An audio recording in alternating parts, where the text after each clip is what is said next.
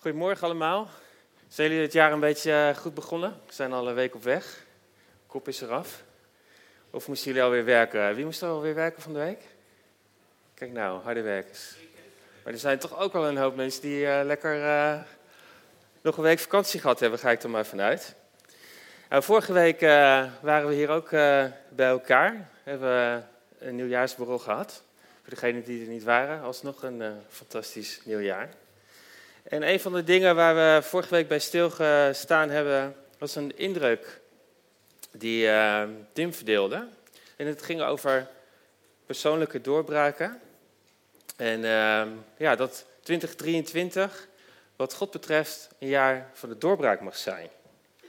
Nou, dat is natuurlijk uh, super gaaf.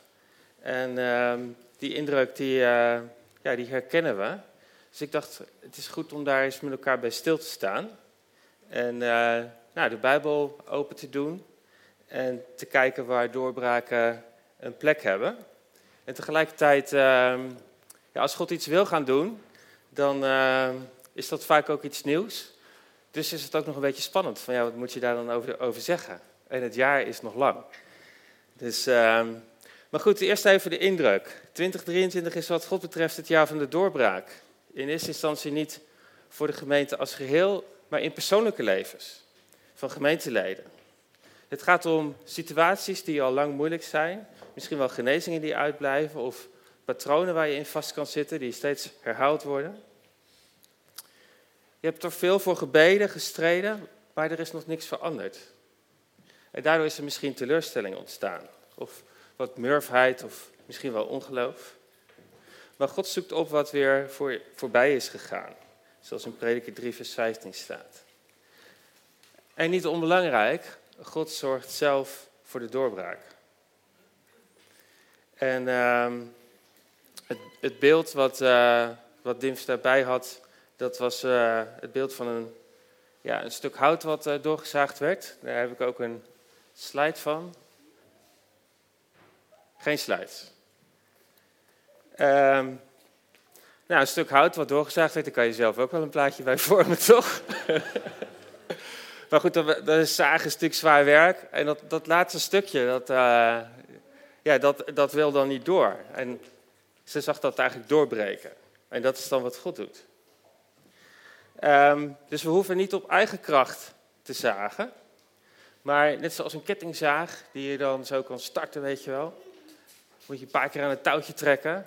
En dan... Uh, gaat de zaag zagen. En dat is misschien ook wel een beetje in het beeld van de, van de Heilige Geest.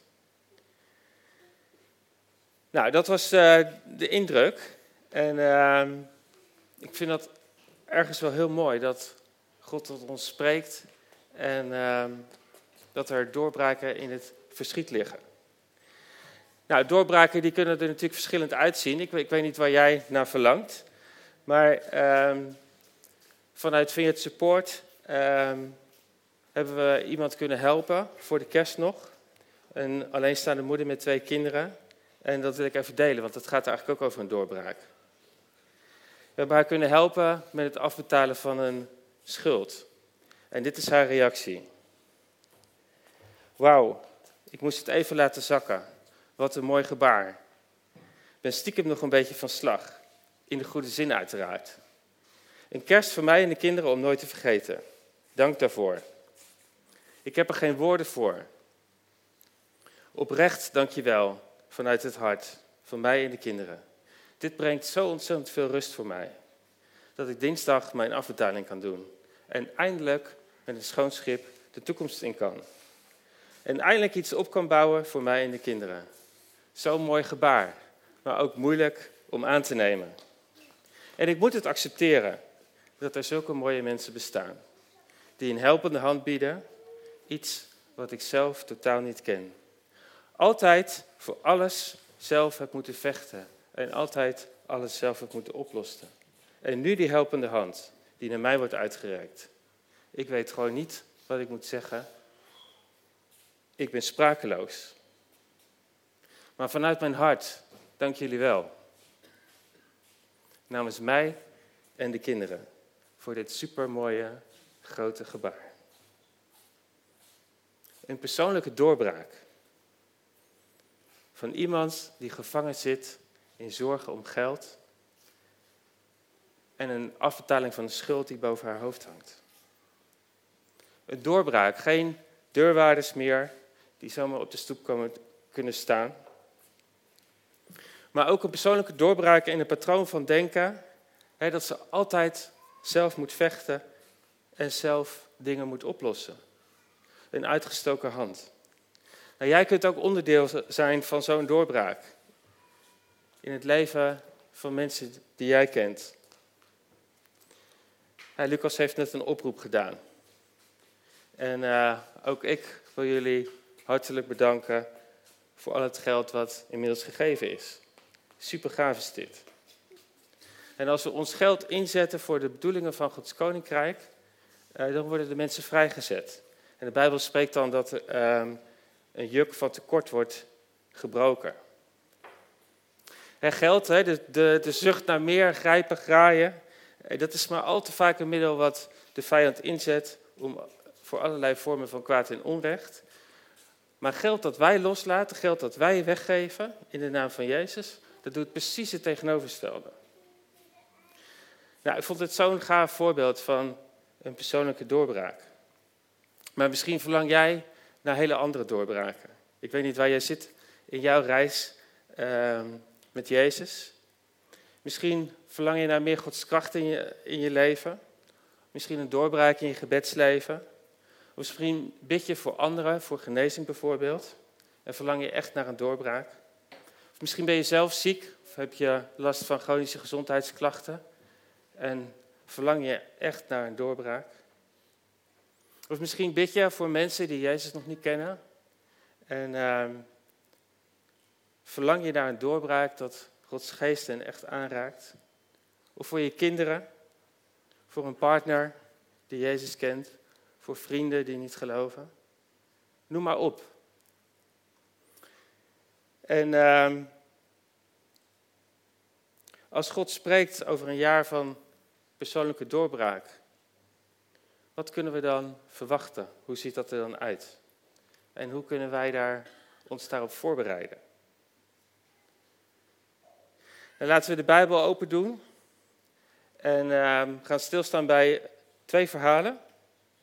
Een verhaal uit het Oude Testament en een verhaal uit het Nieuwe Testament, die allebei over persoonlijke doorbraak gaan. Allereerst het verhaal van David. Het speelt zich af helemaal aan het begin van zijn koningschap. Hij is net uh, tot koning gekroond.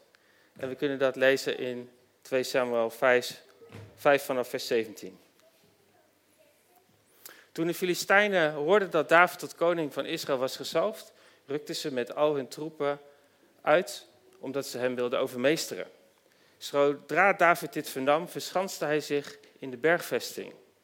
De hele vallei van Rephaim stond vol met Filistijnen. David wendde zich tot de Heer en vroeg: Zal ik de Filistijnen aanvallen? Zult u ze aan mij uitleveren? De Heer antwoordde: Ga op en af. Ik verzeker je dat ik ze aan je uit zal leveren. David ging naar Baal Perasim. Daar versloeg hij hen en sprak de woorden: De Heer is voor mij door vijandelijke linies gebroken, zoals plotseling opkomend water zich een baan breekt. Daarom wordt die plaats Baal Perasim genoemd.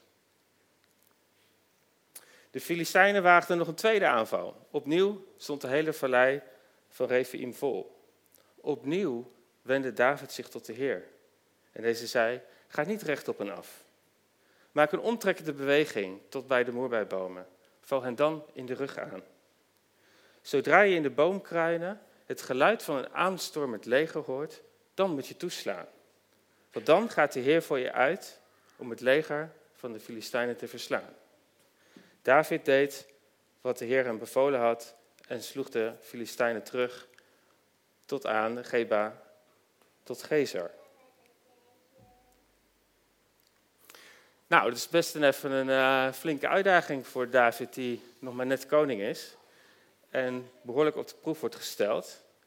Maar David wendde zich tot God. Hij raakt niet in paniek. Hij vertrouwt niet op de bescherming van, uh, van zijn bergvesting. En dat is denk ik de eerste takeaway uit dit verhaal. ga niet voor je eigen bescherming, maar vertrouw op God. En David die bleef niet afwachten, want hij wilde gaan voor de aanval. Hij had een plan. Een aanval is soms de beste verdediging. Maar hij wendde zich tot God. Hij legde hem zijn plan voor.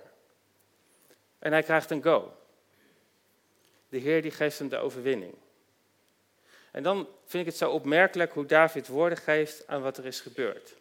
De Heer is voor mij door de vijandelijke linies gebroken. Zoals plotseling opkomend water zich een baan breekt. Wat een doorbraak. Ook een persoonlijke doorbraak in zijn jonge koningschap. Een doorbraak van Gods koninkrijk tegen dat van Satan. Want zo duiden de Bijbelcommentaren deze overwinning. Het, het volk van de Filistijnen stond onder de macht van de vijand van God. En de Heer is voor mij door vijandelijke linies gebroken. Zoals plotseling opkomend water zich een baan breekt. Een prachtige metafoor. En kennelijk is hij ook onder de indruk van dat plotselinge militaire succes.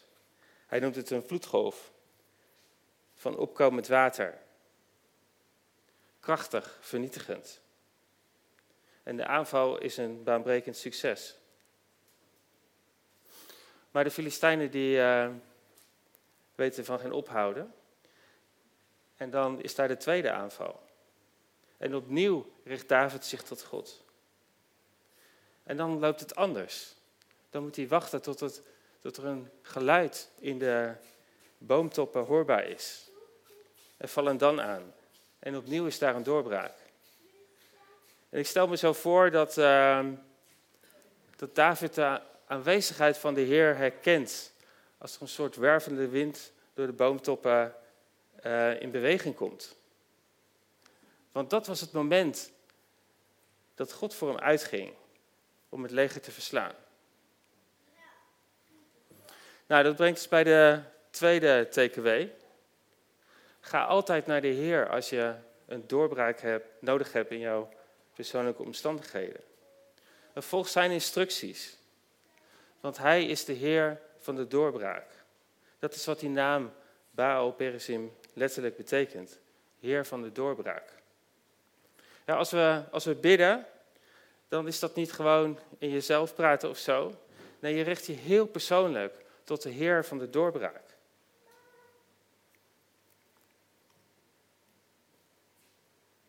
De Heer is voor mij door de vijandelijke linies gebroken. Zoals plotseling opkomend water zich een weg baant. De Heer ging voor hem uit. En in Micha 2, vers 13 staat: hij die een bres slaat, gaat voorop. Ze breken uit. Ze trekken door de poort. Ze gaan erdoor naar buiten. Hun koning gaat hun voor en de Heer gaat aan het hoofd. En Jezus zegt: Vraag en er zal je gegeven worden. Zoek en je zult vinden. Klop en er zal voor je worden opengedaan. Want ieder die vraagt, ontvangt. En wie zoekt, vindt. En voor wie klopt, zal worden opengedaan. Dit was David. Het tweede verhaal waar ik bij stil wil staan is het verhaal van Petrus. Hij is vandaag onze nieuwtestamentische doorbreker. En ik wil stilstaan bij een stukje van uh, ongeveer Goede Vrijdag tot en met Pinksteren. En dan even gezien vanuit zijn persoon. En zijn reis met Jezus was nogal op een fiasco uitgelopen. Jezus had Petrus gezegd dat hij de rots zou zijn waarop hij zijn kerk zou bouwen. Nou, lekker dan. Jezus is dood. En Petrus had Jezus verlogend in zijn laatste uren. Ik ken hem niet, had hij gezegd. En daar moest hij verder mee leven. Teleurgesteld in zichzelf, vervlogen hoop, vervlogen dromen. Waar was die doorbraak? En hij had gedacht dat het anders kon, hè? Hij trok wel zijn zwaard toen erop aankwam. Maar dat mocht niet van Jezus. Teleurstellend. Jezus vocht niet terug. Hij had zich zonder verzet laten inpakken door die gehate Romeinen. En nu was het klaar. Er was niets meer over van de droom. En dan het lege graf, verhalen van Jezus, dat hij weer zou leven. Maar Petrus had het nog niet gezien, had hem nog niet ontmoet. En op dit punt was misschien wel de vraag of hij Jezus nog wel wilde ontmoeten. En Petrus valt in een soort gat, stel ik me zo voor. En dat is het moment dat hij zijn oude beroep weer oppakt. Vissen van vis. En dat vissen van mensen, wat hij met Jezus zou gaan doen, dat was op een fiasco uitgelopen. De, de mensen die eerst Jezus overal volgden, waren nu blij dat hij de doodstraf aan het kruis had gekregen. Opgeruimd staat netjes. Moet je niet zeggen? Nee, eigenlijk niet. Maar dat, zo voelde hij zich, denk ik. Dus geef nooit op als Gods beloften nog niet gevuld, vervuld zijn. Dat is wat we hiervan kunnen leren van Petrus. We moeten het inderdaad niet zeggen. Want Jezus laat Petrus niet los. De omstandigheden, het verraad, de teleurstelling, de onmogelijkheden, zelfs de dood, houdt Jezus niet tegen om naar Petrus uit te reiken. Maar Petrus ziet dat nog niet. En vanuit zijn teleurstelling pakt hij zijn oude leven, zijn oude bestemming weer op. Petrus, wat, wat doe je nou? Echt? Visser van vis? Terug bij af? De beloftes van Jezus loslaten? Ga je nu echt voor je eigen plannen? Leun je op je eigen inzicht en kennis? Settle voor les. Hij doet het. Hij is er klaar mee. Petrus gaat weer vissen en neemt anderen mee. Maar hij vangt niets. En al zijn kennis en ervaring, ehm, die helpen niet. En dan is daar die vreemdeling ehm, aan de oever van het meer. Al wat gevangen. Nee. Nou, gooi hem dan eens aan de andere kant uit. En dan weten we hoe het verhaal verder gaat. In één keer zit het net vol. Het barst uit zijn voegen. En we weten dat dat Jezus was. Wonderlijk. Maar dit was nog niet de doorbraak die Jezus voor ogen had in het leven van Petrus. Dit was een doorbraak in vissen van vis. En Jezus had hele andere dingen over zijn leven gesproken. Hij zou visser van mensen worden. En Jezus had gezegd, Petrus, jij bent de rots waarop ik mijn kerk zal bouwen. En de poorten van het dodenrijk zullen haar niet kunnen overweldigen. Maar er is nog werk aan de winkel. Jezus heeft met Petrus een, uh, een zo te zeggen. Even één op één. En daar vindt herstel plaats van de relatie. En misschien durft Petrus nou weer voorzichtig te geloven dat de beloften van Jezus misschien toch nog wel staan. Die liefdevolle blik in zijn ogen. De toon van zijn stem. Geen spoortje van verwijt. Geen ondertoon van, uh, ik ben niet boos, maar wel heel erg teleurgesteld. Niets van dat alles. Dan weten we dat Jezus naar de hemel gaat. En hij had hem op het hart gedrukt om te wachten, om te bidden. Want de trooster zou die sturen, de geest van God. En we weten allemaal dat het op die ochtend van het Joodse Pinksterfeest zover was. Plotseling klonk er een geluid van de windvlaag. En iets wat lijkt op vlammen op een hoofd. Spreken in verschillende talen.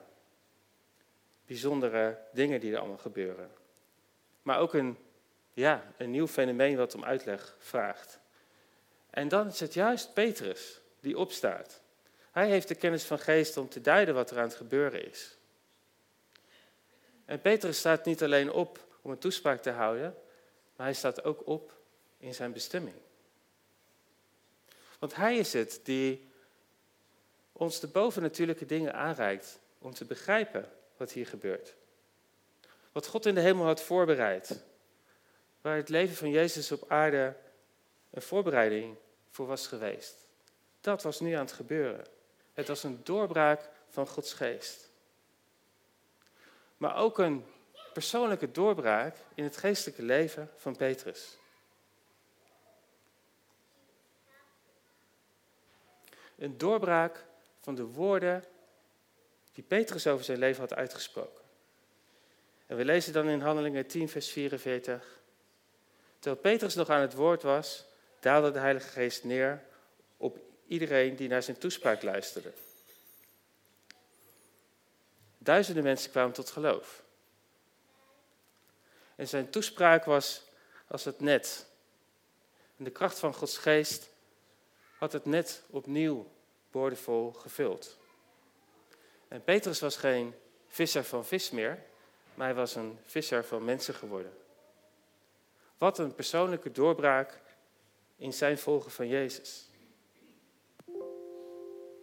God geeft graag doorbraken als een persoonlijke zegen, maar ook als een zegen voor anderen. En die persoonlijke doorbraak in het leven van Petrus was nodig, omdat God hem wilde gebruiken als een leider van de vroege kerk. En hij was nu die rots geworden, waar Jezus over gesproken had. Het is tijd om af te ronden. Ik wil nog één ding zeggen. In, in zijn toespraak haalt Petrus de woorden van Joel en David aan, maar hij had ook de woorden van David uit onze tekst kunnen gebruiken. De Heer is voor mij door de vijandelijke linies gebroken. Zoals plotseling opkomend water zich een baan breekt. Nou, als 2023 wat God betreft een jaar van de doorbraak is, dan zie ik daar ontzettend naar uit. Zullen wij ons klaarmaken voor een persoonlijke doorbraak? Waar verlang jij naar? Waar mag God in jouw leven doorbreken? Waar mag hij in jouw leven meer ruimte krijgen? Wat mogen wij aan de kant zetten? Wat willen wij aan hem vragen? David, die wist waar hij het zoeken moest. Toen hij in een benarde situatie zat en een doorbraak nodig had. Hij wendde zich tot God. En tot wie wenden wij ons? Wend jij je ook tot God? Verwacht je het ook alleen van Hem? Laten we God uitnodigen. Dat is zijn geest uitnodigen. Zullen we gaan staan om daarin ook even een actieve houding aan te nemen. En te kiezen om uh, ja, ons echt op Hem te richten.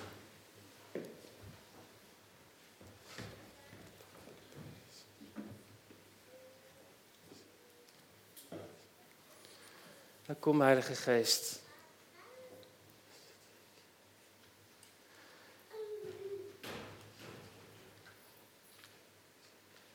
Kom, Heilige Geest, en waai met uw wind.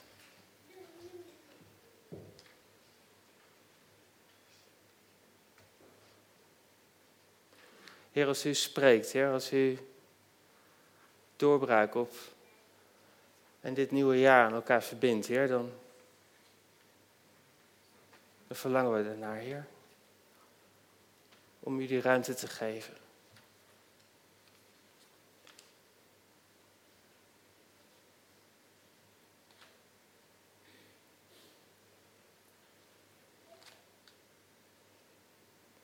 Heer, kom, Heer.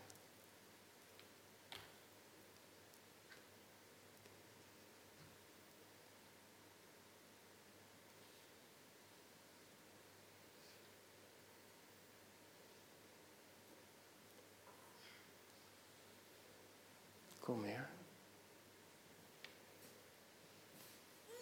Ik bid dat u ons, ons en dat, Heer, de roep van ons hart, Heer, dat u gehoord mag worden in de hemel.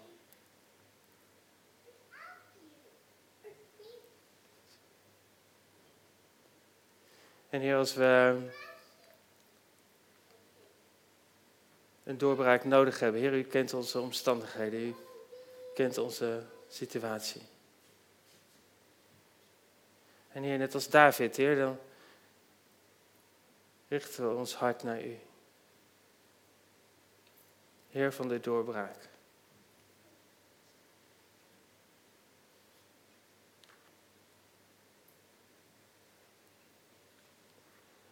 En vader, we nodigen u uit om voor ons uit te gaan.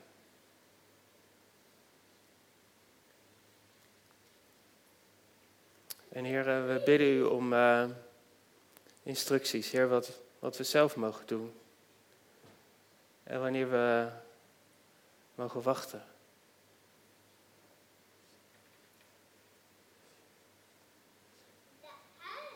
En Heer, ga voor ons uit, Heer.